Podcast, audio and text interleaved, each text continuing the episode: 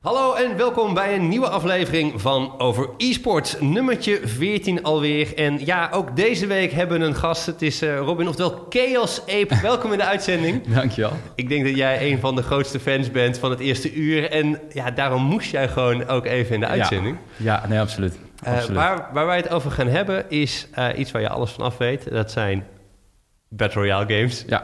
Dacht, ik hou nog even de spanning erin. Misschien ga ik iets anders zeggen. Nee, we gaan het hebben over Battle Royale games. En dan hebben we het natuurlijk over DayZ, H1Z1. Oh ja, en toen kwamen ook nog Fortnite en uh, ja, die PUBG. kleinere, ja, ja, de, ja, kleinere, precies. de kleinere games. en uh, je had op een gegeven moment had je nog zo'n andere game met een paard en kastelen. is toch heel even een hype geweest? Ja, Realm Royale. Realm Royale, Ja. Oh ja. ja. Die vergeet ik altijd. Maar ja, sommige mensen dachten, oh, dat wordt wat. En dat was het niet. Maar goed, we gaan het hebben over Battle uh, Royale games. Uh, we gaan het hebben over de PEL. L, ja. Waar staat het ook weer? voor? Oh, de Player... Nee? Player Known Battlegrounds Europe League. European League. European. League, pardon. Ja, wat een... On, on- ja, dat kan je ook maar beter afkorten. Ja. Eh, even kijken, wat gaan we nog meer doen? We gaan het hebben over de Nederlanders. We gaan het hebben over... ehm, ja, een aantal zeer bijzondere dingen. Want laten we beginnen met het nieuws. Het meest bijzondere nieuws, denk ik, van deze week. Dat kan bijna niemand die deze podcast gaat eh, zijn ontgaan. Dat is Farming Simulator krijgt een e-sports league met een prijzenpot van 250.000 euro. Ja, ik kon het niet geloven, om eerlijk te zijn. Echt niet. Ik dacht, het is een grap. Ik denk dat de eSports Observer die het nieuws bracht... eh, het stond volgens mij wel op de website van Farming Simulator... maar Mhm. dankzij eSports eh, Observer kwam het in het nieuws. Ik denk dat zij een hele goede dag hebben gehad. Ik weet wel zeker, ja. Absoluut. Het, eh, het stond overal. Maar heb, heb jij ook een beetje meegekregen wat je moet doen? Nee, om eerlijk te zijn. Ik, ik, ik dacht om eerlijk te zijn eerst dat het een meme was. Van, yo, ze maken een grapje en, en dat 250.000... Ja, ik geloof dit eerst niet, maar eh, ik heb ook niet verder ingelezen, om eerlijk te zijn. Nou, ik geloof het op zich wel, want als je kijkt naar Gamescom... dan is Farming Simulator is best wel een ding. Ja. Eh, wat ik een beetje erop kon, uit kon opmaken... in de, de informatie die ik erover kon vinden... was dat je volgens mij hooibalen stapelen... Het is drie, een 3 tegen 3 competitive modus. En volgens mij had het iets te maken met hooi, hooibalen stapelen. Voor 250.000. Ja, nou, maar dat geeft wel aan. Kijk, je hebt games als Artifact. Weet je, er wordt veel geld tegen aangesmeten. En die hebben nog minder dan 2000 eh, spelers eh, op dit moment. Het gaat echt niet goed met die game. Ik denk dat ze hem gratis moeten maken of zo. Ehm, maar dan een farming simulator. Ja, ze willen niet eens een e-sport zijn, maar ze worden het dan. En dat zijn vaak wel de betere e-sports, omdat ze dan volledig eh, gedragen worden. Ehm, maar er was nog een ander nieuwtje vandaag. Ja, vers van de pers. Het was vanmiddag eh, uitgebracht. Het gaat eh, om het feit dat eh, de ISL heeft de handen ineen geslagen met, met Fortnite.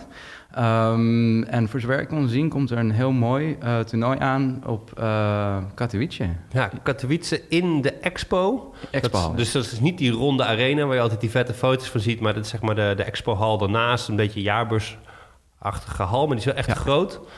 Ehm, ja, 100 man denk ik. Ik denk net als Ik zo'n... iets minder om eerlijk Iets te zijn. minder? Ja, ja, wat je heel vaak ziet is eh, tijdens eh, toernooien is het nooit de volle eh, capaciteit.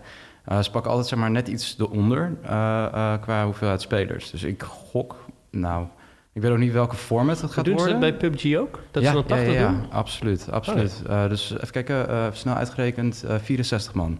Ze doen over het algemeen squads en dan vervolgens 16 teams. Ja. En dan eh, bij Fortnite kan het duo's zijn, want dat hebben ze bijvoorbeeld toegedaan met Ninja en Marshmallow, Ja, wat de meeste precies. mensen zich nog kunnen Precies. herinneren. Maar ook daar waren het er geen ho- 100. Het was geen volle, volle Nee. pot. Waar ik me dan wel, en eh, daar hadden we het even voor de uitzending ook al over de, het prijzengeld. Eh, ik was op vakantie in, eh, in mei. Toen werd aangekondigd 100.000 eh, dollar prijzengeld. Nou, zoveel hebben ze nog niet uitgegeven. Wat denk je dat het prijzengeld wordt in Katowice? Want er, er is nog niet zo over bekend. Nee, ik ga ervan uit dat ze ehm, groot gaan inzetten om meteen goed op de kaart te staan. Want het is het eerste grote eh, eh, ja, echt e-sports event wat samen dus is met de ISL.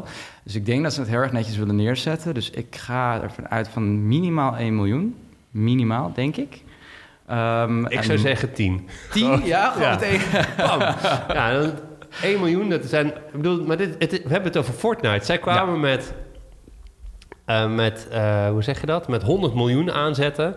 En mensen sloegen al achterover van de 25 miljoen, 30 miljoen van, eh, van de International, van Dota, het grootste. Ik denk gewoon, gaan het groots neerzetten. Katowice, 10 miljoen. Ze hebben nog 80, 90 miljoen over. Ja, Want ze moeten de, de komende vier maanden doorheen moeten branden. Ja, als je het inderdaad zo stelt, dan... Ja, dan... Ja, Of ze komen die belofte niet na. Het is zoveel geld. Ja, Ja, ik vind het... bizar veel geld. Andere dingen. ehm, de vanavond, eh, dat is tijdens de opname van de podcast, dus ik kan het helaas niet zelf zien, moet het terugkijken. ehm, gaat er een eh, AI StarCraft 2 spelen? Althans, dat eh, is al eerder gebeurd, DeepMind. Maar nu krijgen we de volgende fase te zien. En wat ik altijd interessant vind aan die artificial intelligence die dat dan gaat doen, dat is een self-learning. Dus die moet alles zelf leren. Dus er is geen enkele mens of persoon die vertelt hoe die de game moet spelen en wat de strategieën zouden zijn. Hij moet dat, ja, dat moet je allemaal zelf leren. En eh, ik vind het interessant, want bij Dota had je ook zo'n heel team vol met AI. En nu, ehm, ja, met, met, met DeepMind die dan StarCraft speelt, zo'n ontzettend moeilijke game.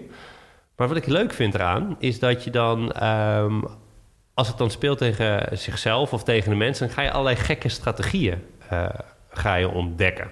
Ja. En heb jij veel StarCraft, heb je al de StarCraft gekeken? Ehm, nee, niet heel erg veel. Nee, nee, nee. Nou, ja, ik hoorde wel, je hebt wel Dota gespeeld. ja, absoluut. En wat je daar zag, dat de AI, eh, die deed bepaalde trucjes. Ehm, toen het nog eh, de midlaners waren, dus één tegen één. Dus dat was alweer eh dik een jaar geleden, anderhalf jaar geleden.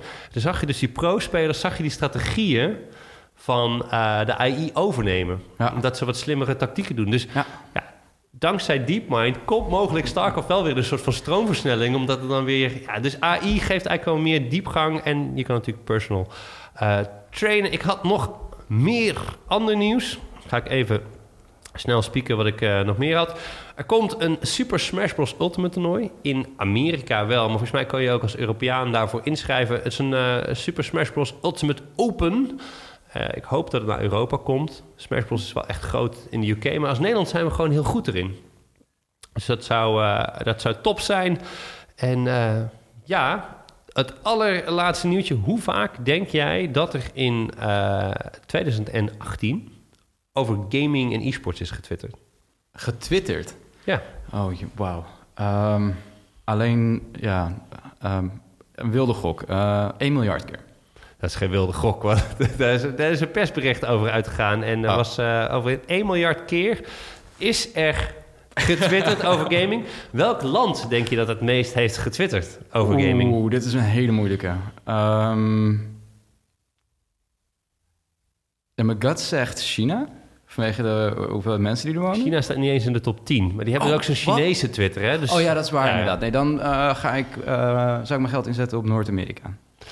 Bijna goed. Eh, De eerste, en dit, ik snapte dit ook niet, is Japan. Oké. Japan heeft het meest daarover getwitterd. En dat zie je misschien ook wel aan de meest besproken game. Dat was Fate slash Grand Order. En daarna komt pas Fortnite op, op nummer 2. Dus er is niet het meest getwitterd over Fortnite. En Amerika komt op nummer 2. Staat Nederland in de top 10? Nee. Dus eh, we moeten meer twitteren. Vooral over, over e-sport. Ehm, even kijken of we nog andere opmerkelijke dingen eh, hebben. Eh, de persoon waar het meest over getwitterd is, is Optic Scump, Scumper. Ehm, er heel veel over, hoe zeg je dat? Over Call of Duty wordt er ge- getwitterd. Althans, ik ken Scump van, van Call of Duty tot... Tenzij iemand mij nu gaat vertellen dat eh Seth Abner een, een Counter- Counter-Strike-speler is, maar volgens mij niet. Ehm, en ja, wat is er nog meer bijzonder? Ik denk... Nou, ik wist niet... Wist je dat ze in Zuid-Korea twitterden? Mm, Ik wist niet dat ze deden, maar ik ging er wel vanuit. Nee.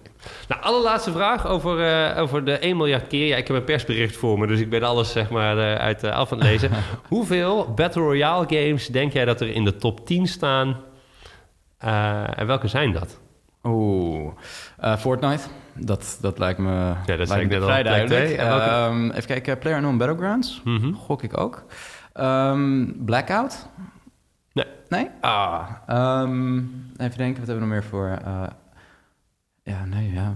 Dat zijn ze. Ja, dat, zijn, ze. Ja, ik wou net zeggen dat... Ja. Wat ik nu... Ik zit kijken. Er is één game die staat onder Fortnite en boven PlayerUnknown's Battlegrounds. Op plek 4. PlayerUnknown's Battlegrounds is nummer 5 ter wereld. Nummer 4 is Splatoon. Splatoon. Splatoon is de game die groter is op Twitter dan PlayerUnknown's Battlegrounds en dat welke andere westelijke... Wauw. Ja, Fortnite staat dan op twee, maar uh, ja, bizar. Gekke dingen. Oké, we hadden het al heel even over Battle Royale. Dan gaan wij het uh, daar uh, over, over hebben. Misschien moeten we even beginnen. Want heel veel mensen denken dat Fortnite misschien uit de lucht is komen vallen... net als Player Unknown Battlegrounds. Um, maar waar is Battle Royale begonnen? Zover ik weet bij de Japanse film die ik ooit gekeken heb. Ja, ja nee, dat klopt. Dat Niet klopt. de Hunger Games. Dat maar daar is het ook van afgeleid. Ja. Um, het is begonnen met uh, de Arma, een Arma-mod. Um, Arma is een, uh, ja, een, een militair uh, simspel. heel erg realistisch. En daar is dus een mod opgebouwd. Um, was gefinancierd door de Amerikaanse overheid, toch? Arma. Ja, ja, ja. ja. en ook soldaten trainen inderdaad ook met Arma. Um, en daar is dus een mod op gemaakt. Um, ik vergeet alleen... Daisy, was het toch? Ja, van Daisy. Uh, nee, dat was niet Daisy, pardon. Er was een aparte uh, uh, mod gemaakt, Battle Royale mod. En um, dat werd heel erg populair. Dat was wel aan het einde van de Dag van Arma. Vervolgens kwam een nieuwe zombie survival game uit, genaamd H1Z1.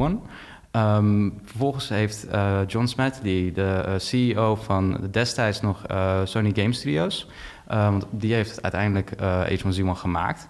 En die heeft de hand ineen geslagen samen met Brandon Green, als ik het goed Brandon. Green, ja, ja, correct. Wel, ik, ik twijfelde steeds. Hij is ook degene tevens die de mod heeft gemaakt op Arma, ja. de Battle Royale mod, way back. Maar ik dacht dat dat Daisy was. Nee, nee, nee. Oh. Dat was uh, gemaakt door, door hemzelf, want hij vond het ja, leuk. En Brandon het leek hem een leuk Ja, ja. idee. Ik heb een heel interview over, met hem gelezen daarover. Oké, ik ben altijd onder de indruk geweest dat het Daisy was. Maar uiteindelijk kwam hij bij H1Z1 terecht. Ja, en ehm, daar heeft hij dus vervolgens mee samengewerkt. En daar hebben ze dus uh, uh, King of the Kill is uiteindelijk geworden. Het heette voorheen eerst gewoon Battle Royale. Toen was ook de game nog niet in tweeën gesplitst in de survival en de Battle Royale mod. Um, en um, dat is heel erg succesvol geworden. Um, H1Z1 heeft hele mooie tijden gehad. Hele goede tijden ook. Uh, was super leuk om te spelen. Ik was er uh, zelf meteen bij het begin uh, was ik erbij. en ja, het is jammer dat het zo gelopen is, want uiteindelijk is het langzamerhand wat minder en minder. Echter heeft uh, Player Unknown, uh, zijn nickname.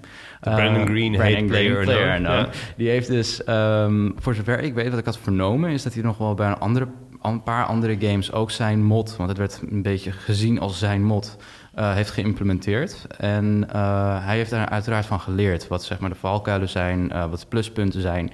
En hij heeft dus heel veel informatie opgedaan over hoe je dus een Battle Royale moet maken.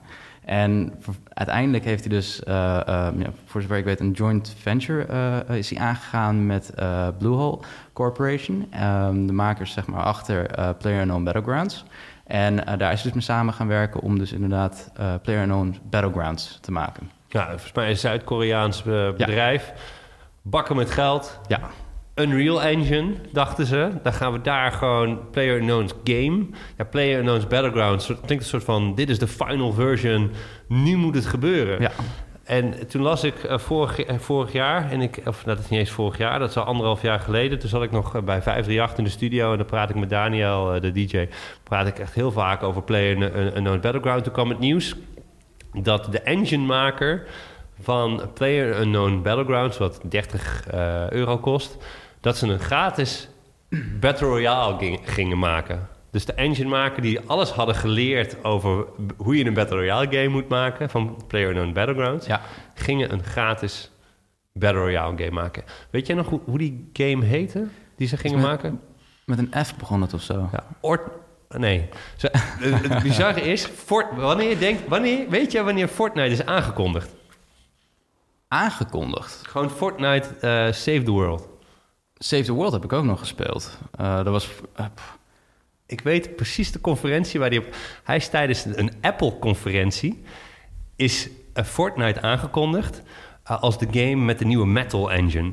Dus het was echt op een Apple-conferentie hebben ze Fortnite aangekondigd. Die game liep voor geen meter. En vervolgens hebben ze die Battle Royale-modus geïmplementeerd. En toen is het helemaal gek gegaan. Maar dan kun je dus nagaan wat voor gekke loop, zeg maar, en Battle Royale heeft gehad en Fortnite. Ja, nou, nog een leuk feitje. Um, ook dit heb ik natuurlijk van het internet, en het internet spreekt altijd de waarheid. Um, is dat... Uh, ik heb het op Facebook gelezen. Precies. dat de map van Fortnite is in drie werkdagen gemaakt. Bizar. Drie dagen. En hij stond. Ja, dat is natuurlijk het, het mooie eraan. Ehm, kort, vanuit, uh, vanuit jou hebben we een hele korte geschiedenis gehad en, bi en, mhm. bizarre dingen. En hoe het voor de rest gelopen is, dat weten inmiddels denk ik wel een beetje met alle kinderen die in dansen zijn. Um, wat vind jij, want ik vraag, vraag naar jou, wat vind je een mooie games? Jij speelt alleen maar Battle Royale games. Wat vind je nou zo leuk? Ik vind er namelijk geen fuck aan. Wat vind je zo leuk in Battle Royale games?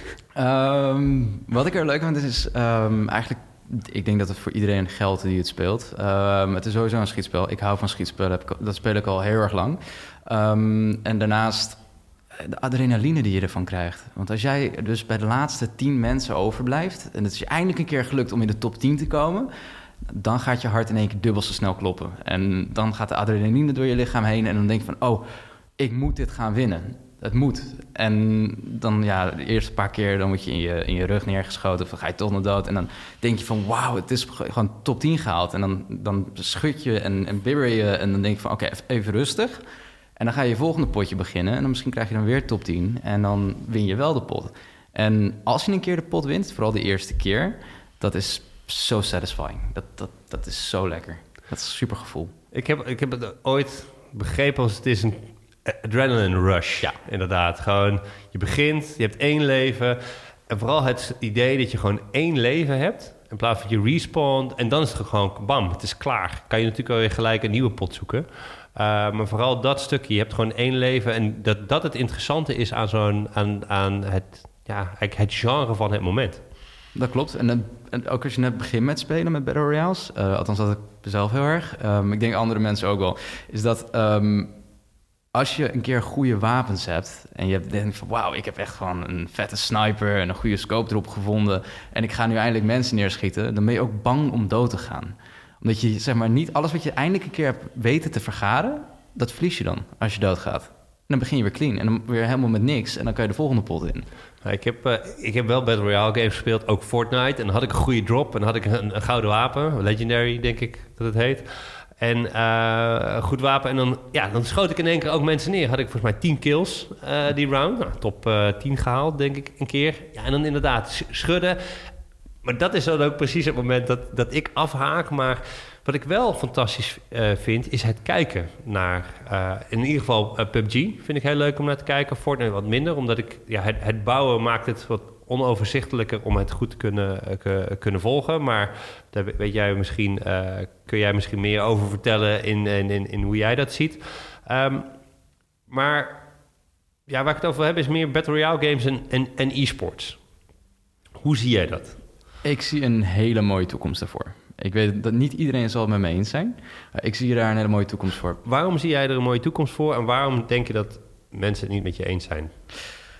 Um, ik zie er mooi. Zal ik beginnen met het mooie? Ja, meer als in, zeg maar, wat zijn de mensen die zeggen ja, dit wordt wat? En wat, zijn, wat zeggen de mensen die zeggen nee, dit wordt helemaal niks? Oké, okay. de mensen die uh, zeggen dat het niks wordt, is omdat er een uh, toge RNG-factor in zit.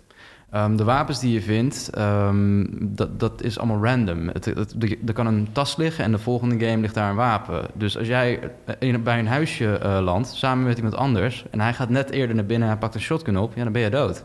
Maar het kan ook net zo goed zijn dat hij een kamer inloopt, er ligt een tas en jij loopt de volgende kamer in en daar ligt een machinegeweer.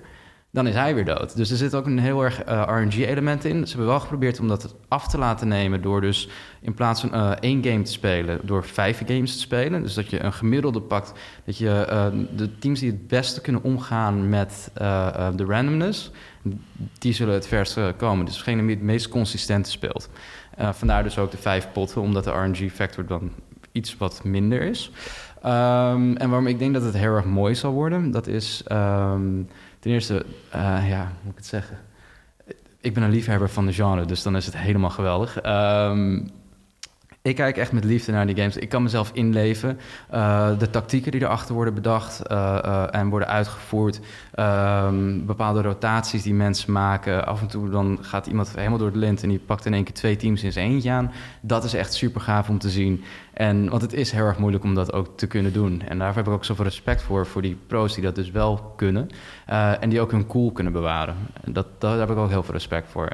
En um, hoe waarvan, ja, dat eigenlijk. Eh, dat eigenlijk. Dus je hebt, de ene kant heb je de, randomness factor, factor dus dat waar je landt en dat wat je vindt. Uh, ja, dat kan de ene keer is het goed, de andere keer is het slecht. Ja.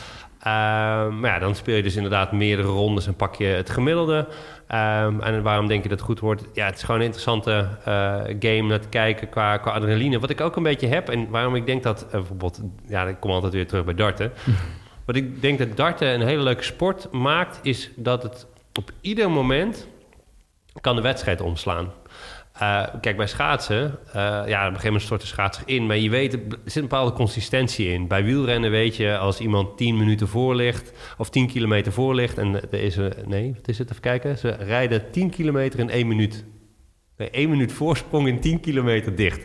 Dus dat weet je vaak. Als er weet je, een kopgroep is en het is vlakke etappe... dan gaan ze wel inhalen. Maar de onvoorspelbaarheid en het, de twist die kan plaatsvinden... dat vind ik altijd interessant aan, aan darten. Want ja, iemand staat met 6-0 voor... maar die kan nog steeds 7-6 verliezen als hij het gewoon kwijtraakt.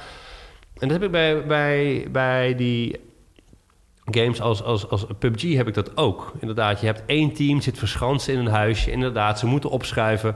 Ja, maar dan komt de volgende spot. Ja, waar is die? Zit je dan op een goede plek of niet? In één keer kun je van een hele veilige situatie naar een hele onveilige situatie gaan. Uh, en wat doe je dan? En uh, zeker met dat één leven, en dan moet gebeuren, dat maakt ook dat er zoveel druk op zit. Het werkt toe naar een climax, want de cirkel sluit zich. En ik denk ook met het podium en de effecten die je daarmee kan doen, lichten qua show ik denk dat het, het podiumelement, het show-element, wat bijvoorbeeld zo'n ESL heel goed zou kunnen doen, dat dat nog helemaal niet uitgebaat is bij, uh, bij Battle Royale. Je hebt het wel gezien bij, uh, bij PUBG, maar dat ze echt op zo'n zo, zo podium zitten. Maar ik denk dat er nog zoveel meer kan.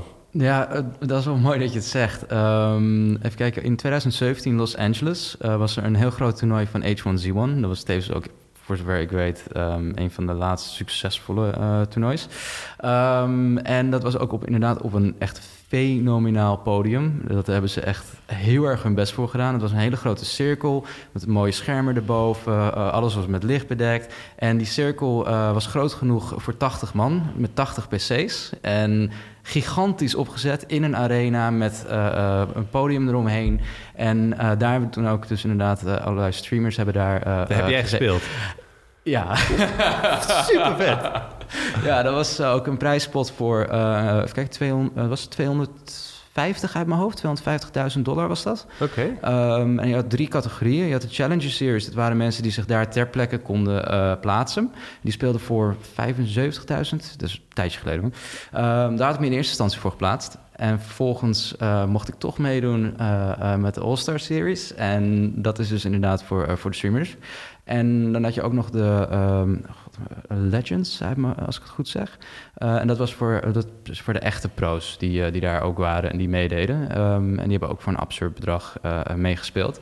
En daar zag je inderdaad de effecten, de shoutcasters, publiek. er zaten daar denk ik nou 10, 15, 20.000 man zat daar. En dan had je ook nog eens een keer een kwart miljoen mensen die online meekeken. Het was gigantisch opgezet en super succesvol.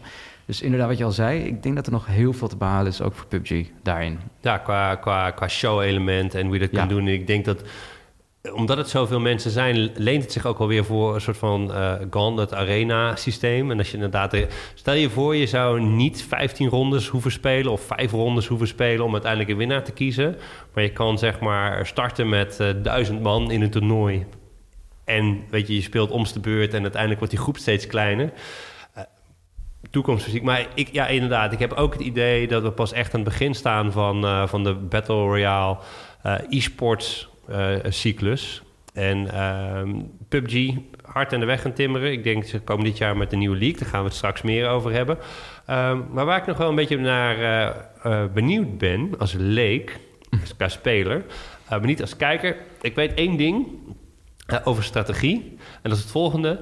Of een team speelt in het midden van de cirkel of met de cirkel mee. Dat zijn twee tactieken. Ja. Kun je me daar meer over vertellen? Uh, en wat zijn andere technieken die teamspelers oh, gebruiken? Uh, uh, ja, Speel de beans. Alright, here we go. Um, inderdaad, je kan midcirkel gaan zitten. Dan ben je vrijwel zeker van het feit dat je dus de volgende cirkel of heel makkelijk kan bereiken of er alweer in zit. dus dan heb je, hoef je niet een rotatie te maken. Dus dat is van punt A naar punt B gaan, omdat je gedwongen wordt door de cirkel om dat te doen. Wat voor type spelers gaan in het midden van die... Ik ben waarschijnlijk zo'n zo'n zekerheidszoeker. Maar wat voor type teams, spelers doen dat? Oeh, uh, ja, dat zijn over het algemeen de meer passive spelers. Ehm, die uh, meer voor de zekerheid gaan. En uh, daarnaast heb je dus... Tegenovergestelde zijn meer de agressieve spelers. En die gaan voor de kills. Dus die zorgen ervoor dat zij zelf hoger geplaatst worden. Doordat zij dus mensen uitschakelen. En dan heb je dus de passieve spelers. En die wachten totdat andere mensen uitgeschakeld worden. Alleen, bij heel veel toernooien zit er dus ook een extra bonus op het prijspot. En dat is degene die de meeste kills heeft uit een pot... of uit een x-aantal potten of een top 3 daarvan... die pakken nog een extra prijspot. Dus daar zit ook weer uh, uh, gewin bij. Um, en dan heb je inderdaad de mensen die op de uh, rand van de cirkel spelen. En die, die kunnen heel erg goed in roteren. En, zeg maar, het roteren is dus dat je een, um, een plek hebt waar je heen moet. Um, en je kan op allerlei manieren kan je die plek bereiken. Maar er kunnen ook bijvoorbeeld steden zitten. Dus als er een stad tussen zit, dan heb je een hele grote kans dat daar mensen zitten te wachten. En die behouden hun positie. Uh, en naar een positie toe lopen is natuurlijk veel moeilijker dan als jij daar al zit en het moet verdedigen. Dus de rotaties die je dan maakt is van gaan we er omheen of gaan we er doorheen? En dat is altijd de keus. En de ene keer is het de juiste keuze om inderdaad te breachen. Dus dat is gewoon vol erop in te gaan uh, en het huis zelf te claimen. Dus door de tegenstanders uit te schakelen, te claimen en dan vervolgens zelf daar te gaan zitten. Dat is meestal meer in het midden, omdat je dan zeker weet dat je ook voor de toekomstige rondes al meteen goed zit. En uh, als je inderdaad met de cirkel meegaat, dan probeer je op de edge te blijven. Dat noemen ze edge. Um, en dan beweeg je inderdaad ook met de cirkel mee, want dan heb je dus niemand achter je, alleen maar voor je.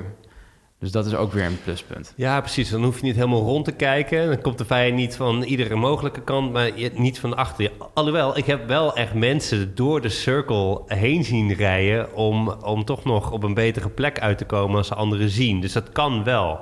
Dat kan dan wel in, in, in PUBG, omdat je dan voertuigen hebt uh, om, uh, om, om mee te rijden. Blackout weet ik niet. Heb ik niet heel veel competitive van, uh, van, van gezien. Ja. Weet jij, heb jij inzicht in welke strategie vaak succesvol is? Zijn het de passieve spelers of zijn het de meer agressieve spelers of juist de, de edgers? Nou, je zou denken dit is, is, heel erg tegenstrijdig wat ik nu ga zeggen. Um, je zou denken dat uh, de passieve spelers hoger zouden eindigen, maar dat is niet altijd het geval. Want als je dus bijvoorbeeld kijkt, ik ga, ja, ik een redelijke fanboy, uh, Team Liquid erbij pakken van uh, het PUBG-team van Team Liquid. Um, die zijn heel erg, um, ja, hoe zeg je dat? Ze pakken hun positie heel erg tactisch. Maar ondanks het feit dat ze dus uh, redelijk op dezelfde positie blijven of een goede rotatie maken en dus een goede spot weten te bemachtigen, hebben ze wel heel vaak heel veel kills. En daar staan ze ook onbekend. En um, dus op de een of andere manier, het hoeft niet per se passive te zijn. Maar het, ja, het is alsnog een, een ja. Wat ik, wat ik heb als ik PUBG kijk en ik kijk naar Liquid en de spots die zij zoeken. Het is heel raar, maar op een of andere manier komt de circle altijd weer waar zij zitten. Ja, klopt. Alsof ze zeg maar een soort van intelligence uh, hebben. Dat ze weten, als de circle hier zit, daar zit, dan... Ja. Er zit natuurlijk een randomness in. Maar je kan af en toe ook wel de randomness lezen. Als jij bijvoorbeeld uh, de cirkel linksonder ziet... dan is de kans aanwezig, en vrijwel groot aanwezig... dat van uh, de cirkel die al klaar staat waar je heen moet... En als die linksonder is, dat die weer linksonder daarvan gaat komen. Dus je kan al een beetje incalculeren waar plus minus de volgende cirkel gaat komen. Tuurlijk zit er nog steeds een RNG-element in, dus het kan opeens helemaal aan de andere kant zijn. Maar vaak is het dus inderdaad het geval dat hij, als hij aan de linkerkant zit, dan zal de cirkel die aan de linkerkant zit, aan de linkerkant van de volgende cirkel zal dat ook weer zo zijn. En dan de volgende weer. Precies, en dan zoek je dus een, een huis of een uh, x aantal huizen of een compound die daar is, zodat je dat kan bemachtigen, zodat uiteindelijk iedereen naar jou toe moet komen. Ja, duidelijk verhaal. Dus, dus eigenlijk heb je drie, drie tactieken. Je hebt edgers, je hebt passievelingen, die zitten in het midden. En je hebt de meer agressieve, dat zijn de meer de roamers. Dus die, ja. die, zijn, die verplaatsen zich gewoon ja. graag. Dus je zit Dus je, Oké, okay, dus je hebt midden, halverwege en op de rand. Ja. Ja, en ja. De, ja nee, nee, precies. omdat als je er tussenin zit... Ja, nee, ik probeer dat even helder te krijgen. Omdat, mm -hmm. omdat ik het zelf niet speel... is het veel lastiger om inzicht te krijgen... in de tactieken die je gebruikt. Um, want als je zelf een game speelt, dan heb je die ervaring ook wel. Ja. Uh, en heb je wat sneller dat spel in zich. Maar als kijker, als je gewoon de games helemaal niet speelt, maar je kijkt het wel, dan is het soms wat lastiger om er kaas van te maken. Natuurlijk is het dan wel spannend. Maar wat, wat ik dan nu inderdaad bedenk, is dat je dan inderdaad ertussen zit. die gasten buiten, die moeten gaan bewegen. Ja, dus die gasten die van buiten naar het midden komen, die passieve, die zijn eigenlijk aan het wachten van ik hoop dat ik in de top 10 kom, bij wijze van. En die, die, die gasten die ertussen zitten, die vangen eigenlijk die edgers als eerste op. Dat, is, dat klopt. Dus dat is eigenlijk de eerste clash. Dus de meeste kills zullen vallen tussen de edgers en de gasten in het midden. En dan op het einde wordt het nog een beetje de passieve en wat er overblijft van de rest. Ja, dat klopt. Besloten. Dat klopt. Ja. En daarmee zou je dan ook zeggen, als je dus van buiten slash het midden komt en je haalt veel uh, kills en je haalt het einde, dan zal je ook eerder een toernooi winnen. Ja, nee, absoluut. Waarom absoluut. zou je dan in het midden gaan zitten?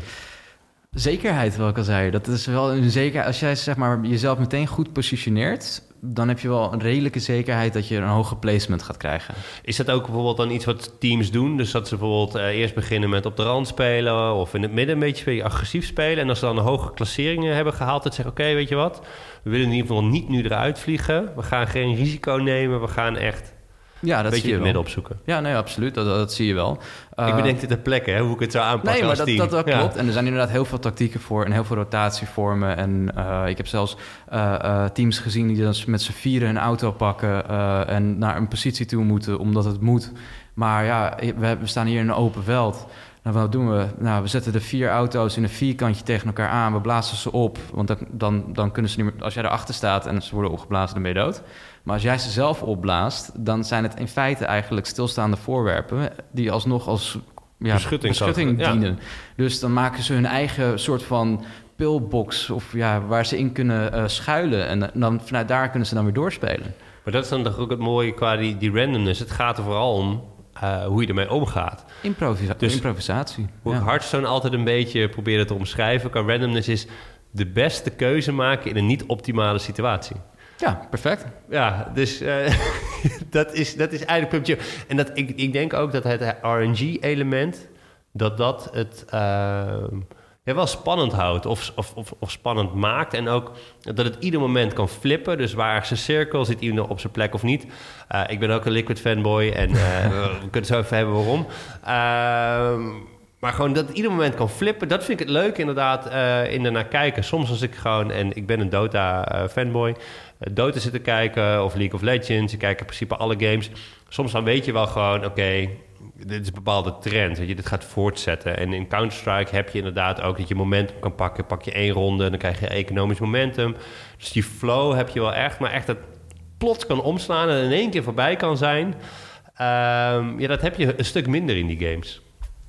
Ik probeer even een game te denken waar het echt in één keer omdat je, als je kijkt bijvoorbeeld naar een game als StarCraft, het is echt een economische game. Het is gradueel. Dus ieder foutje aan het begin van de game, hetzelfde geldt voor de MOBA's, die zijn ook allemaal zo opgezet. Dus kleine foutjes die je in het begin maakt, worden uiteindelijk hele grote verschillen. Zo zit denk ik Counter-Strike ook wel een beetje qua economie in elkaar. Als je Ja. twee die rondes verliest, nou, als je dan eentje wint en verliest vervolgens weer, dan sta je nog steeds op economische achterstand. Dus het graduele, hè, is een beetje het mee met de, de app en de flow van de game, is in, in, in- misschien in, in een Battle Royale game wat abrupter. Mm, Of zie ja, ik dat, ja, dat zou je, mag, ja. je hoeft het er niet mee eens te zijn, hè? Ja, nee, ik probeer het inderdaad te plaatsen. Ehm, ik probeer een beetje meer zeg maar, een verband te zien dus tussen de, eh, de e- eh, eh, ja, economy bijvoorbeeld in eh, CSGO. Ja. Ehm, maar zo kun je dus ook kijken naar ehm, bijvoorbeeld als je met PUBG bepaalde wapens hebt. Als jij bijvoorbeeld een goed wapen hebt bemachtigd, of je hebt er een paar goede bemachtigd, die heel erg sterk zijn op afstand, dan probeer jij natuurlijk een positie te zoeken wat heel erg hoog zit, zodat je dus daar je voordeel mee kan doen.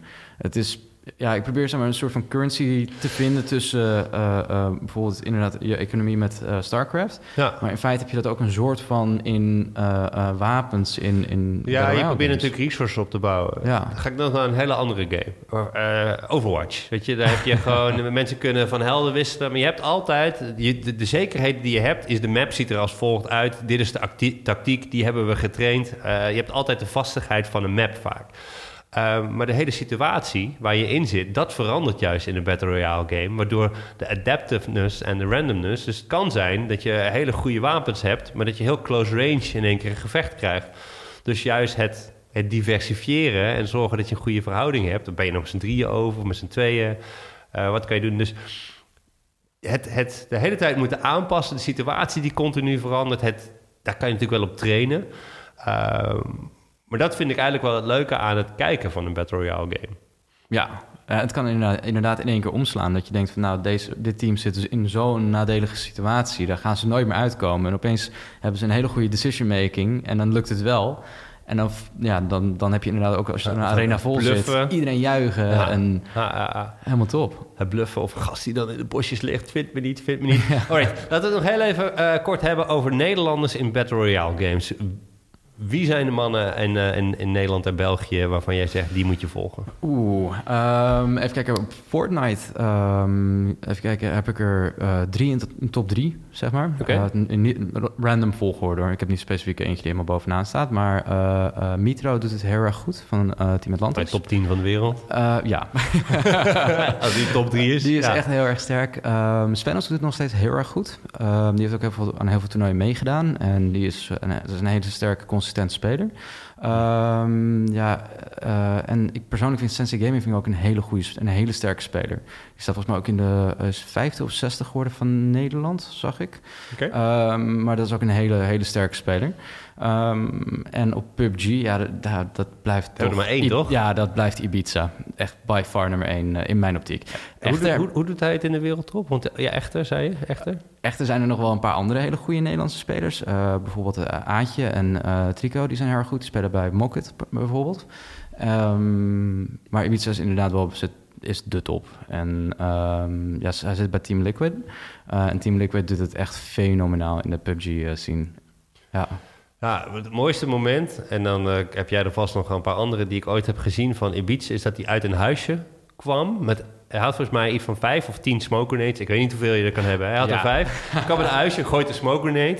Loopt naar voren. Gooit nog een smoke grenade. En dat je de tegenstander kon hem niet vinden. En hij ging, hij, ja, hij ging stapje voor stapje vooruit met smoke grenade en smoke. Uiteindelijk ging hij wel af, maar hij rekte het wel op. Hij kwam volgens mij wel één of twee plekken hoger. Had een soort van smoke walk. Ja. Hij was echt heel vet gedaan. Ja, dat was fenomenaal. Eh, dat, dat was een van zijn eh, meest ja, merkwaardige plays. Ja, ja. maar, dat- maar dat vind ik... En, en, ja, klinkt heel stom, maar dat zijn wel de momenten... dat je dus iemand met een situatie ziet omgaan en denkt... Hoe dan? Dat vind ik het mooiste aan, aan sport en aan e-sports. Dus dat je Ja. echt, hè, dat zijn de bijzondere momenten. Dus dat kan ik me van eh, hem herinneren. Goed bruggetje. We gaan, we gaan het heel even hebben over eh, Nederlanders eh, die het goed doen. Ehm, heb jij nog iets waar je zegt: Oké, ik kan me herinneren, deze week ging het ontzettend lekker met? Ehm, nee, om eerlijk te zijn. Ik heb een voordeel, want ik hou het een beetje bij Ja, voor precies, de e-sports club. dus eh, ik weet bijvoorbeeld dat eh, Trust Gaming, dat is de Rainbow Six eh, divisie van, eh, van Trust, eh, doet het ontzettend goed in ehm, de Rainbow Six Challenger League. Dus je hebt de hoogste league en de Challenger League zit er eigenlijk onder. En daar worden nu een soort van de kwalificaties voor gespeeld. Spelen ze vier rondes. Top 16 gaat naar de playoffs en daarvan volgens mij de top 4 naar de Challenger. Eh, en Trust was de eerste ronde waar ze 9, met score van 6-2. En eh, de tweede ronde zijn ze derde geworden met 7-1. Dus dan heb je zeven potten gewonnen, één verloren. Dus ja. Ja. die doen het heel goed. En het moet heel raar lopen, willen zij niet, ehm, niet top 16 eh, worden. Hadden we nog andere Nederlands getinte games als In Control. En die andere twee weet ik niet uit mijn hoofd. Maar die stonden ook top 32. Dus in Nederland doen we het best wel goed met Rainbow Six. En Rainbow Six is een groeiende game. Dus ja, ik verwacht wel dat we daar nog de komende jaren ook al heel veel plezier van kunnen hebben. Uh, ik ben heel benieuwd hoe... Er is een nieuw Nederlands Dota-team. Althans nieuw. Um, ik niet, heb je ooit de, de Vodafone Play Faster uh, campagne gezien? Mm. Dat ze tien goede Nederlandse Dota-spelers in huis hebben gezet. Met nee. een coach en zo. Nou, dus in Nederland hebben we een aantal Dota-spelers. Zoals Celery. En, uh, maar er was dus het huis en hadden ineens uh, coach Kips internationaal bekende coach. En zij zei van ja, op zich, als we nog een Nederlands team, ik zou het wel willen coachen. Nou, dat is dus vandaag spelen zij in de qualifier voor de major. Ik weet dus niet hoe ze het aan het doen zijn. Maar er zit Maus bij, uh, een van de betere Nederlandse spelers. Celery zit erbij. Dus ik hoop gewoon dat zij het heel goed doen. Dan hebben we weer een Nederlands Dota-team. Uh, wat hebben we nog meer? Rocket League is vanavond ook. Ik weet niet wat de uitslag is. Uh, Flakes en Niels Koek stonden tegen elkaar in de upper bracket final. Rocket League, daar zijn we ook ontzettend goed in, ja. in uh, de Benelux. Alleen, ja, er is wat minder prijzengeld, wat minder aandacht voor. Maar nog steeds een ontzettend grote game. Ik zag dat Atlantis Mitro een wereldrecord had gehad. Maar misschien was dat al een tijdje uh, geleden... en was het nu alleen maar de highlight video. Dat weet jij misschien. Nee, volgens mij was dat inderdaad wel deze week uh, dat het nieuws eruit ging. Ja. Van 25 kills of zo? Ja, en dat was tijdens... Uh, God, wat was het ook weer? Tijdens een plaatsing voor het... Nee, ik durf het, niet te zeggen. De winter... Ik, Misschien moet het zo nog heel even eh, over, over Fortnite en e-sports gaan hebben. Want ik snap er helemaal niks van. Ik kan alle e-sports volgen, zoals je merkt. Maar Fortnite dat is de enige game die ik echt totaal niet te begrijpen. Want ik kan het nergens, voor mijn gevoel, goed lekker vinden. En uh, hoe, ik het, uh, hoe ik het moet bijhouden. Um, hebben nog andere Nederlanders die het goed gedaan hebben? Waarschijnlijk wel. Nee, ik weet het even niet. Wat ik wel fijn vind om te vertellen is dat in de Benelux komt het langzaam weer een beetje op gang. Want uh, vandaag zijn de uh, Benelux Premier League qualifiers begonnen. Dat is eigenlijk de hoogste competitie van League of Legends. Kaiser League begint weer begin uh, februari. ESL Benelux gaat hopelijk ook binnenkort aankondigen wanneer hun competitie begint. De Dutch College League. ja, ja, en ja, College League is weer bezig. Dus het begint weer langzaam op gang te komen. Ik had toch altijd, ik heb er altijd een beetje zo december, januari, en dan is het altijd een beetje me. uh, en dan begint er, en nu begint alles weer een beetje te, te komen. Dus uh, ja, volgende week hopelijk meer Nederlands trots in dit blokje. Mocht je iets hebben van, hey, dit heb je gemist, laat het zeker even weten. Dan kunnen we het volgende week nog vermelden.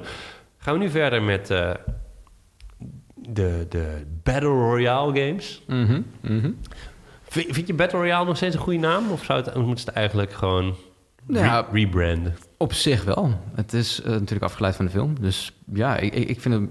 En het klinkt fancy. Dus ja, ik zou het zo houden. Heb je de film überhaupt gezien? Nee. Nee? Het, nee. Ik heb dus serieus de film gekeken... Um, op mijn studentenkamer. Het is echt al eh, echt een hele tijd geleden. Ik denk dat ik in 2005 of zo, of 2004, zelfs die film gezien heb. Uit 1999. Er zit een ontzettend vette scène in met een kruisboog. Ja, ze hebben ook allemaal van die nekbanden om. En als je er buiten komt of uh, je, je, zone gaat weg, dan explodeert die ook. Het is gewoon echt een hele veel heftigere versie dan de Hunger Games. Hunger Games is een soort van Battle Royale light. maar uh, ja, ik weet ook niet of je het nog kan kijken überhaupt. Als in of het nog ik vond het een hele brute film. Mensen zeiden, ja, dit is vet film, moet je kijken. En dat, dat doe ik dan blijkbaar. Ik denk niet dat ik oud genoeg was op dat moment om hem te kijken. Nee, ik denk het ook niet. Ik denk dat ik, nou, ik denk dat ik uh, wat twintig was toen ik keek. Ja, dus uh, kon ik wel handelen. um, alright, we gaan het hebben over, um, heel even over Fortnite. Hoe mm -hmm. zit dat nou precies met uh, e-sports en, en Fortnite? Het staat nog in de babyschoenen in dat opzicht. Um, voor zover ik, dit is, ik ben ook niet heel erg bekend met de Fortnite uh, e-sports scene. Um, maar wat voor zover ik wel weet, is dat er dus de, je had de Summer Skirmish, um, je had de, de Winter Skirmish. en er komt een Spring Skirmish aan. Ik denk, ik denk, het wel. En daar doen mensen inderdaad aan mee. Maar ja. wat ik altijd zo. zo ik, ik wil niet zeggen dat ik het jammer vind, maar dat je hebt natuurlijk heel veel van die toernooien gehad. En dan gooien ze een boombox erin, gooit zwaard gooien ze erin. Een soort van meme. Ik, heb, ik heb niet het idee dat Epic het zelf ook heel serieus neemt. Ze hebben natuurlijk altijd gezegd, wij doen e-sports our way. Maar um, zijn, altijd is er wel iets als zij een e-sports toernooi uh, organiseren. Klopt. Boombox, dat snapte ik op zich wel. Uh, want ik heb dus ook inderdaad zitten kijken naar scrims. Dus hoe uh, uh, teams met elkaar aan het oefenen zijn. Ik heb ook uiteraard wel matches gezien van de winter en, en de summer. Um, maar het probleem is, zeg maar, wat je heel erg ziet, is aan het einde van de match. Um, dan gaat iedereen bouwen. En dan in plaats van dat je dus horizontale gameplay hebt, heb je verticale gameplay. En iedereen zit boven elkaar. En dan af en toe is de zone zo klein. Dus kan je eigenlijk nergens meer heen. Maar dan bouwen ze omhoog. En dan heb je vervolgens heb je dus, nou, zeg 20 teams die boven elkaar zitten. Ja, en die blijven allemaal stilzitten. Die hebben allemaal hun eigen verdiepingje geclaimd eigenlijk. En uh, die achter die boombox en volgens mij ook nog een paar andere items die daar goed mee waren, was inderdaad om de structures snel kapot te kunnen maken. Zodat je dus een hele andere endgame hebt op um, e-sports niveau. Dus dan op het moment dat iemand dat gebruikt en hij zit beneden, ja, dan wil je natuurlijk niet helemaal bovenin zitten, want val je naar beneden en ben dood. Dus ik snap wel wat ze proberen te doen. Alleen het lukt nog niet helemaal, nee. nee. nee. Het lijkt me ook ontzettend lastig om in beeld te brengen. Uh, de verticale gameplay in plaats van de horizontale uh, gameplay. Ja. Uh, omdat het in één keer dan, dan flipt. Dan moet je of heel erg uitzoomen of... Ja, dat is best wel, best wel lastig. Als je... Dan gaan we, dan gaan we echt naar PUBG en, en, en, en de PEL. de PEL. De lek en de PEL. en al die afkortingen, joh. Ik er helemaal gek van. Ik vergeet ook altijd weer hoe het heet. Um, um, als je, als je um, kijkt naar welke Battle Royale game van dit moment wordt de succesvolste e-sport? Als je nu moet kiezen. Wow, daar vraag je me wat. De succesvolste bedoel ik competitief het succesvolste. Niet per se, daar gaat het meeste geld in om. Maar gewoon, weet je, competitive. Ja, ik ga dan toch neigen naar uh, Player Battlegrounds, persoonlijk. Alright, nou dan gaan we het nu hebben waarom. Want er komt een league aan. Ze hebben een, uh, in, volgens mij echt twaalf verschillende regio's hebben allemaal een eigen league dat ja. toe gaat werken naar een soort van WK. Ze hebben een hele structuur neergelegd dat me heel erg doet denken aan het begin van League of Legends. Dat Riot zei, oké, okay, uh, we gaan het niet meer uitbesteden aan andere mensen, we gaan het zelf doen. En toen kwamen ze met uh, een hele competitiestructuur. En in Europa heet dat de bel. PUBG European Hele opbouw naar de bel. Klinkt leuk in het Frans waarschijnlijk. Uh, le Pel? Le Pel. Ja, Oké, okay. uh, Le Pel. Wat is het? Um, het is, ja, inderdaad... Jij, hebt hierop gestudeerd. Ja, dus. ik, ja, ik heb ook een, aan, ja, een paar aantekeningen gemaakt. Ja, heel goed. Ik, het was inderdaad wel een, een aardig... Uh, ja, het was redelijk moeilijk om het inderdaad allemaal uit te pluizen. Het is redelijk... Nou, uiteindelijk niet heel erg complex, maar het was inderdaad even uitzoeken van hoe. Um, het is inderdaad een uh, toernooi en een, ook een begin voor de wereldkampioenschappen. Want inderdaad, er zijn meerdere regio's die hier uh, uh, hun eigen league in hebben. en die zullen uiteindelijk dus allemaal gaan, tegen elkaar gaan strijden in het WK. Um, WK klinkt lekker. Um, ja, WK, oké. Okay. En, en wanneer... Want het zijn dus allemaal losse regio's ja. waar ze allemaal losse competities hebben. Spelen die dan het hele jaar los van elkaar en ontmoeten die elkaar eigenlijk nooit uh, gedurende het jaar? Dat jij, dat, dat jij weet, want bij League of Legends zien die regio's elkaar. Mm. Ja, vroeger had je dat wel nog met uh, IEM, weet je, van ESL-toernooien ja. zagen ze elkaar. Maar voor de rest zien ze elkaar zeg maar één keer in de. In de um, God, daar hebben ze ook zo'n briljante naam voor bedacht. Na de Spring Split heb je de mid-season in nou, ik, ik, kom er gewoon niet op. Het is heel erg. Maar je hebt eh, tussen de summer en de, en, de, en de spring split heb je een internationaal event. Daar zien de internationale teams elkaar. En daarna zien ze elkaar pas weer op het WK. Uh, om krachten te meten. Weet jij, gebeurt dat bij PUBG ook? Of? Ja, in dat opzicht wel. Um, er zijn natuurlijk ook nog andere toernooien uh, naast, het, uh, naast Le Pel. Um, Le zijn, Pel? zijn er ook nog andere. Ja, maar nee, die gaan we echt erin houden. Ja. Uh, er zijn er natuurlijk nog andere toernooien en daar zullen ze elkaar dus inderdaad wel tegenkomen. Dus de, ja, er zijn nog inderdaad andere internationale toernooien. En ja, ze zullen elkaar zeker nog ontmoeten en een biertje met elkaar kunnen doen. En, en ook met elkaar kunnen gamen. Dat, absoluut, Alright. absoluut. Oké. Okay. Maar de structuur van uh, Le Pen uh, is... Um, ja, ik, ik, ga denk ik refereren aan vorige week, FIFA. Iedereen is natuurlijk bekend met voetbal en weet hoe dat in elkaar zit. Um, dus hoe ik het heb uitgezocht is... Uh, de, de PEL is dus inderdaad een beetje hetzelfde als de eredivisie. Dus dat zijn de top van de top teams die daar meedoen. Er zijn tevens zes directe uitgenodigd. En dat zijn Team Liquid, gelukkig. Face Clan, Ninja in Pyjamas, Pittsburgh Knights. Dat is ook een heel goed Europees team. Die doen het echt, echt heel, heel erg goed. Pittsburgh Knights uit Europa. Ja, ja. uh, Navi, die ken je natuurlijk ook van uh, Dota. Ja, absoluut. Met, uh, met Puppy en Danny. Danny heeft net Danny... een nieuw team gevonden. Gaat oh. sinds deze week, sinds was gisteren ook nieuws, gaat nu bij Tiger spelen. Dat is een Southeast Asian team. Oké. Okay. Ja. Nou, gewoon even tussendoor. Ja. uh, en Team Vitality, die, uh, die, die ah. zijn dus direct door uh, PUBG uitgenodigd om mee te doen aan de European League. Um, en dan daarnaast heb je dus nog een, ja, hoe zeg je dat? Toern toernooien zijn er geweest, zowel online als offline, om inderdaad um, de overige teams aan te vullen. Uit mijn hoofd waren er tien teams die zich uiteindelijk nog hebben geplaatst via toernooien, om dus ook mee, aan mee te kunnen doen. En uh, onder, uh, de, dus onder de eredivisie heb je zeg maar de Jupiler League. Um, Keukencompetitie heet het tegenwoordig. ja, ja, keukenkampioencompetitie. oh. uh, dat is de Contender League. Mm. En um, daar doen, dat, is, ja, dat is inderdaad opkomende teams, ook hele goede spelers. en daarvan zullen er, dat stond er niet bij, maar daar ga ik wel vanuit... dat daar dus inderdaad een x-aantal teams, wellicht twee, drie teams, misschien vier teams door zullen stromen uh, uh, naar de European League aan het einde van het seizoen. Dus dan heb je wel dat je kan promoveren en degraderen Correct. aan het eind van de, ja. van de, van de competitie. Alright. Heb je nog meer? Ja, er is nog één, één, laag. er is er nog meer. Er is nog één echt laag grondig aangepakt. Ja, ja, ja. ja. Eh, er is nog één eh, laag eronder, dat is eh, de Open League. En daar kan dus iedereen aan meedoen. Daar zouden wij ook samen een team kunnen maken, aan mee kunnen Ik doen. zou niet met mij een team beginnen, maar ja. Ehm, en ehm, die kunnen dus zich dus weer plaatsen in de Contender League. Dus eigenlijk technisch gezien is het dus mogelijk om als eh, vriendenteam... Je begint een vriendenteam, eh, kom we gaan het doen, leuk. En je besteedt er heel veel tijd aan en je bent goed in het spelletje. Dan eh, is het dus mogelijk om uiteindelijk door te stromen naar de Contender League... en dan vanuit de Contender League door te stromen naar de European League. Dat is wat ik denk. Ja. En voor zover ik... Ja, we weten weet. nog niet. Het wordt het eerste seizoen. Dus ik Ja, ben al precies. heel blij dat jij dit hebt uitgezocht en dat je al weet hoe het werkt. Want eh, zover was ik niet eens gekomen. Want ik, ja, probeer ook altijd inderdaad uit te pluizen hoe zit het dan. En dan eh, de eerste league, alright. En dan de Challenger League. Bijvoorbeeld bij Rainbow Six. Ja, die, die hoofdleague, die hoofdklasse, de Champions League idee. Dat kan ik altijd wel vinden. En dan de Challenger League zit dan vaak nog wat weggestopt. Nou, dat hoorde ik dan toevallig via community gasten. hey, nee, dat staat hier. Want ik kon het ook niet vinden volgens via, via Wikipedia of zo. Daar staat het niet eens op. Ehm, dus ja, weet je, dat überhaupt de, de hoofdleague met de 20 teams, dat, is- dat, is dat, zitten daar een beetje de, de, de, de top wereldteams tussen?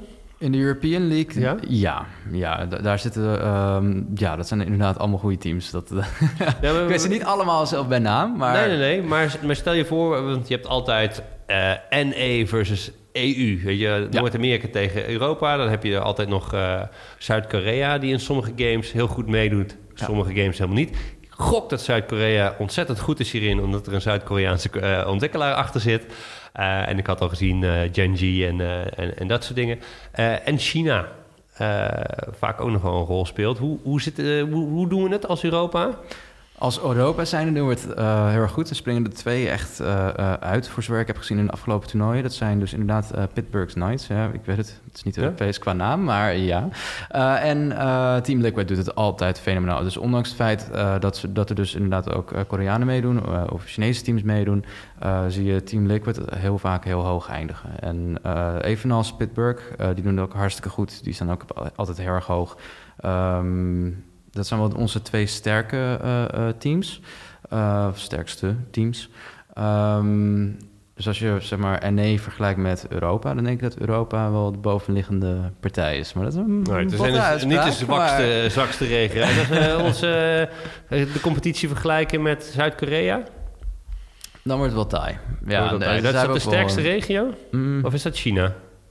mm, het is moeilijk in te schatten. Ehm, ik zou persoonlijk nog steeds... Ja, misschien komt het ook omdat ik Nee. zelf uit Europa kom. Maar ik zou persoonlijk zelf Europa zeggen als de sterkste... Oké. eh, eh, Dus, maar dat betekent ook dat die, dat die, eh, die pijl, Le Pel, aha. dat het gewoon echt een hele sterke competitie is. Ja, absoluut. Daar gaan we echt hele mooie plays zien, hele goede games zien en ehm, heel veel, ja, goede gameplay.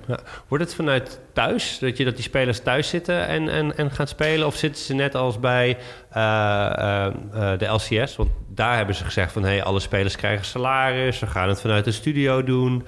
Eh, gaan ze dat mensen thuis zitten of gaan ze dat, ze echt naar een studio toe halen? Het gaat inderdaad echt naar een studio toe. Eh, dat is in een eh, stad in, eh, in, in Europa, zal Een dat stad zijn? in Europa. Ja, ja, ja dat, dat, dat willen ze dus eh, gaan doen. Ja. Maar hebben ze ook al bekendgemaakt welke stad het is? Ik heb nog niet kunnen vinden waar. Right. Maar als je dan gaat nadenken over waar zou het kunnen zijn... dan denk je aan de ene kant Keulen, want daar zit eh, ehm, ESL. Aan de andere kant denk je Berlijn, want daar zit Riot al. Mhm, En mhm. waarom zou je naar een andere stad gaan dan daar waar iedereen al zit? Ik hoop natuurlijk Ja. Amsterdam, maar ik Dat ja, zou heel gaaf zijn. verwacht niet. Maar volgens mij gaat, gaat alles wat betreft e-sports naar Duitsland. Dus als Het ik moet niet gokken, dat Keulen zijn. of Berlijn is. Ik gok gewoon eh, dat Berlijn is. En dan heb je een studio met 80 man. Iedere week. Ja, en, ehm, ja. en vervolgens wordt het daar uitgezonden. En dus, daar zag ik ook nog wel iets, een heel leuk nieuwtje. Althans, dat is onlangs eh, eh, is dat ook geannounced.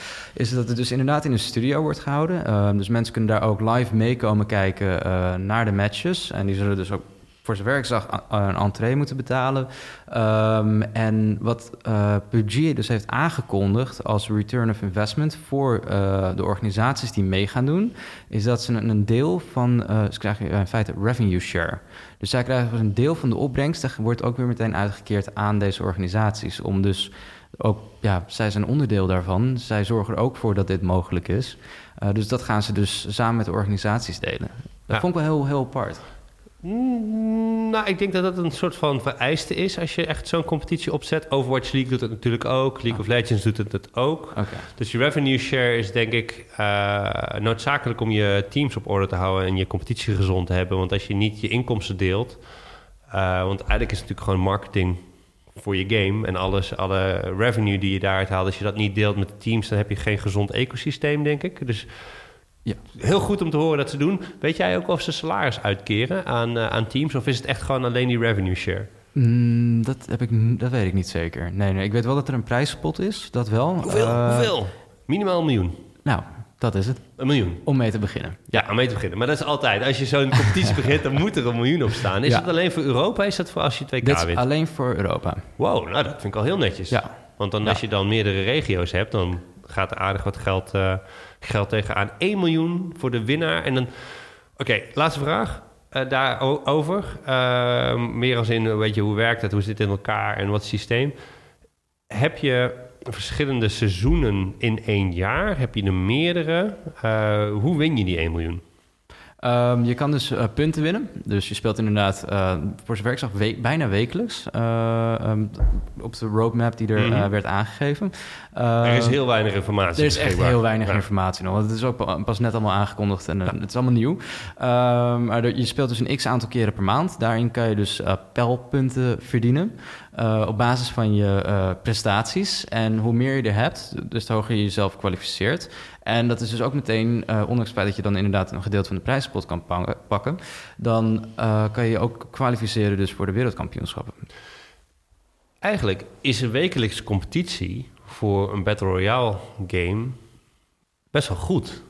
Omdat als je het dan toch gaat vergelijken met de Eredivisie... stel je voor je zou eh, 32 ronden spelen door een jaar. Dus je speelt iedere week speel je gewoon... Hoe vaak, hoeveel games, weet je hoeveel games per week spelen? Ehm, nee, Twee? Ik- Drie op een avond? ik denk, ehm, het zal waarschijnlijk vijf zijn. Vijf is meestal games in series van vijf, ja. Oké, dat zou ik heel pittig vinden. Op één avond eh, gelijk vijf. Want je moet natuurlijk ook nog wel uitzenden en, en een goede Ja. plek vinden. Maar stel je voor, je spelen iedere week vijf games. Nou, dan weet je aan het einde van het seizoen heb je zo ontzettend veel games gespeeld. Dan moet je qua gemiddelde moet je een hele goede winnaar hebben. Dus over meerdere weken qua structuur Ja, ehm, Ja, ja, krijg je best wel duidelijk te zien. Want ah ja, dan speel je echt heel veel games in een jaar. In die regio. ja dat, zal zeker, dat zal zeker gebeuren. Ja. Lepel. Vanaf eh, wanneer kunnen we naar gaan kijken? Ehm, even kijken. Ik, het begon, voor zover ik zag, in eh, februari. Februari. ja, maart is. precies. Dus, daar heb ik ook gezien. Einde Dus, eh, Q1. vanaf februari. Alright, vanaf februari kunnen we gaan kijken naar PUBG. Dan gaan we Ibiza in de gaten houden. Kijken of hij samen met zijn Finse broeders en zijn Noorse broeder... Is dat goed? Twee Ja. Finnen, één Noor? Ja, en dat zijn ook eh, S- Jampy en Sempi. Dat zijn ook, Ja. dat ook een, zijn tweelingen ook. Dat is wel leuk. Tweeling Ja. zelfs. Ja. Of, zij het, eh, of zij het miljoen gaan pakken. Ik ga in ieder geval wel een aantal wedstrijden van, eh, van kijken. Dus dat is sowieso een kijktip. Maar ehm, aangezien we geen kijkersvragen hebben, gaan we gewoon. Stuur ze vooral in naar Edward Gene op, eh, op Twitter. Gaan we nog even een kijktip erin knallen. Wat zeg jij dat mensen moeten gaan kijken, zien? Ik had me hierop voorbereid. Eh, wat, ik, ehm, nou, wat ik zou aanraden is... ehm, het is wel een Battle Royale. Het is niet zozeer een, een toernooi of een, of een bepaald iemand. Ehm, het is meer een eh, upcoming eh, game. wat- Ook een Battle Royale uiteraard. En dat is, het heet Ring of Elysium. En dat begint momenteel heel veel hype te krijgen. En ik heb het zelf nu ook een paar keer gespeeld. En het speelt heel fijn. Het is een heel, heel leuk spel. Dus als je iets wil kijken, dan zou ik dat even in de gaten houden. Wat ik begrepen heb, wat leuk is aan Ring of Elysium... is dat je aan het einde van de map... Ik heb zelf nog helemaal niks gezien, hè? gewoon uit verhalen van anderen... dat je het einde heb je een helikopter. Dan kun je met z'n vieren in. En als het één iemand lukt om in een helikopter... heb je een soort van overview positie... waarbij je zeg maar, de hele map kan bekijken. Ja. Dus is dat ook echt het ding van Ring of Elysium? Ehm, eh, ja, nee. nee. Ik, Oh. vind, ik persoonlijk ik vind dat moeilijk, want eh, ik hou van schieten en ik wil eigenlijk gewoon last man standing. In plaats van, als jij zeg maar in, het heli- in de helikopter zit met één persoon en een ander team gaat er ook in, dan hebben jullie een gedeelde eerste plek. En dat vind ik niet leuk. Ik wil juist winnen. Dus ehm, het is wel een tactisch spelletje, want je wordt wel heel snel natuurlijk van het laddertje afgeschoten terwijl je omhoog klimt om die helikopter in te komen. Uh, dus het is, er zit ook heel veel tactiek achter. Uh, van wanneer ga je wel, wanneer ga je niet. En, maar ik moet zeggen, ik vind de mobiliteit binnen dat spel heel fijn. Dat is heel relaxed. Dus je hebt uh, bijvoorbeeld nu met de nieuwe map, die is net uit, kan je bijvoorbeeld op een BMX rijden. Die kan je gewoon zo tevoorschijn pakken en dan ga je op je BMX verder en dan ben je super snel. En ze hebben ook een soort van uh, grapple hoek hebben ze er, uh, uit Blackout eigenlijk uh, gehaald. dat je dus inderdaad van punt A naar punt B gaat en waardoor je ook gebouwen op kunt en half als Spider-Man door een stad heen kan. Ja, ja, het is ook meer mobiliteit. Iets wat je... Zit Fortnite even bouwen, PUBG ja. is gewoon wat staat, maar is heel tactisch. En dit heeft gewoon echt die mobiliteit. Daar waar we bijvoorbeeld bij Blackout heel echt die snelheid ook ja. hebt. Dus wat meer snelheid erin. Mijn kip, kijk, mijn kip, mijn kiptip. Kiptip van de week. Kipkluifjes. Drumsticks. Nee, uh, mijn kijktip van de week is... Uh, ik, ja, ik, ik heb het uh, al eerder gehad met uh, Steven over de LEC, de nieuwe LCS. Ehm, ik heb een paar wedstrijden kunnen zien. Ik zag dat Fabian Diepstraten, ons Nederlands trots op de midlane... die heeft, staat 2-0 na de eerste week. Ik raad jullie allemaal aan om deze, dit weekend weer te gaan kijken. Op vrijdag en op zaterdag zijn de wedstrijden. Het speelt iedereen één keer tegen elkaar. Ja, mijn tips zou zijn om dat te gaan kijken... Want Fnatic, de team dat tweede is geworden tijdens het WK, waar Joey Youngbeck, Youngbeck uh, zeg maar, die uh, is daar coach, die doen niet zo heel goed. Die gaan dan weer 0-2. Dus er gebeurt wat. het is leuk. En uh, volgens mij gaan de kijkcijfers ook omhoog. Dus ehm, ik zou zeggen, ga de LEC kijken. Ga ik ook doen. Ik ga ook een beetje Dota Major kijken. Maar zeker even de LEC kijken, want, want daar is het volgens mij op dit moment aan het gebeuren. dat was het dit wat betreft deze opname, deze aflevering. Het uur zit erop. Ging goed, toch? Ja, ik vond, ja, ja. Top. Laatste vraag. Waar kunnen mensen jou volgen, zien? Je streamt? Ja. Op waar? Um, Chaosape, twitch.tv slash Twitch? Ja. ja. Ah, heel raar. Twitch.tv slash? Uh, Chaosape. Dat is K-A-O-S-A-P-E. Of uh, Chaosape Gaming op uh, Twitter. Chaos Ape Gaming op Twitter. Daar kun je terecht voor alle vragen en alle Battle Royale streams van Robin. Dankjewel voor het luisteren. Vergeet je niet te abonneren op deze podcast als het kan. Uh, want dat is gewoon gratis. En daar houden Nederlanders blijkbaar van. Oké, doei!